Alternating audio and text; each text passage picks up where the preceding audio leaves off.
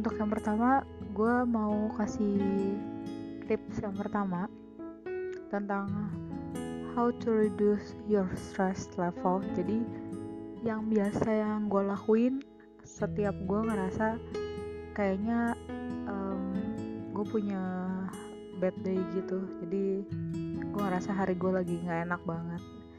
Uh, jujur gue sendiri seorang yang memang cukup sangat ceria gue orang yang sangat ekspresif jadi mungkin di lingkungan gue gue sangat-sangat aktif. Gue suka berkomunikasi gue suka ngomong sama orang lain. Tapi ada hari di mana gue ngerasa um, lingkungan gak cukup buat gue tenang hari itu. Jadi gue cukup gampang stres orangnya. Uh, tips yang pertama yang bisa gue bagi adalah gue biasa itu nyiapin buku gue nyiapin buku dan gue nyiapin spidol spidol warna yang kecil-kecil gitu. Nah uh, gue biasanya akan nulis apa yang sebenarnya lagi gue rasain sedih kah marah kah um, lagi merasa kayak nggak nyaman sama lingkungan gue kah atau kayak ngerasa lagi nggak um, pede sama diri gue gue akan tulis gue akan list dengan warna-warna yang memang terang gitu loh. Dan gue akan lihat apa sih yang bikin gue jadi ngerasa uh, hari gue buruk gitu gue akan list setelah itu gue akan baca.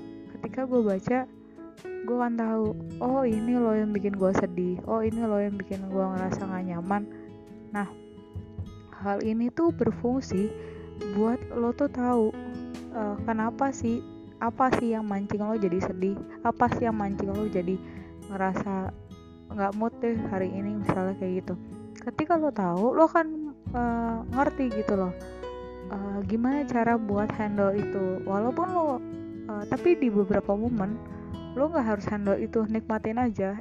Uh, karena perasaan sedih itu memang manusiawi gitu loh. Kita cuman human kita manusia dan kita punya perasaan. Jadi tips yang pertama itu catat apa yang lo rasain dan uh, bikin daftar. Gitu oke? Okay?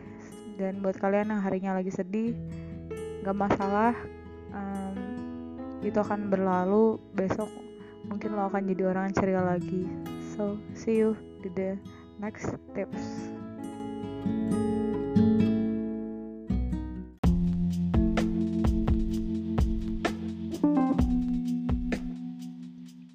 tips yang kedua yang biasa gue lakuin untuk uh, nge-reduce stress level gue adalah gue akan ngomong sama orang-orang terdekat gue tentang masalah yang lagi gue alamin. Misalnya tentang uh, temen gue yang rese kah tentang um, tugas-tugas yang kayaknya gue nggak bisa nih handle sendiri kayak gitu. Kayak tentang gue capek ngelakuin sesuatu tentang uh, tekanan dari lingkungan gue tuntutan yang gila-gilaan yang bikin gue akhirnya pusing sendiri gitu loh. Gue kan uh, ngomong sama orang-orang terdekat gue entah kayak uh, adik gue atau kayak pasangan gue atau kayak teman-teman dekat gue gue akan ngomongin walaupun mungkin uh, nantinya kayaknya emosional banget gitu bisa sampai kayak nangis-nangis. Tapi ketika lo nangis itu sebenarnya perasaan lo itu lagi dikeluarin gitu loh. Jadi lo bisa lebih lega dan eh, nggak uh, masalah untuk kelihatan lemah di mata orang lain. Itu bagus juga buat kesehatan mental lo. Karena ketika seseorang nggak bisa ngungkapin apa yang dia rasain itu akan dipendam. Nah ketika perasaan itu dipendam itu akan uh, bikin kesehatan mental itu jadi sakit gitu loh.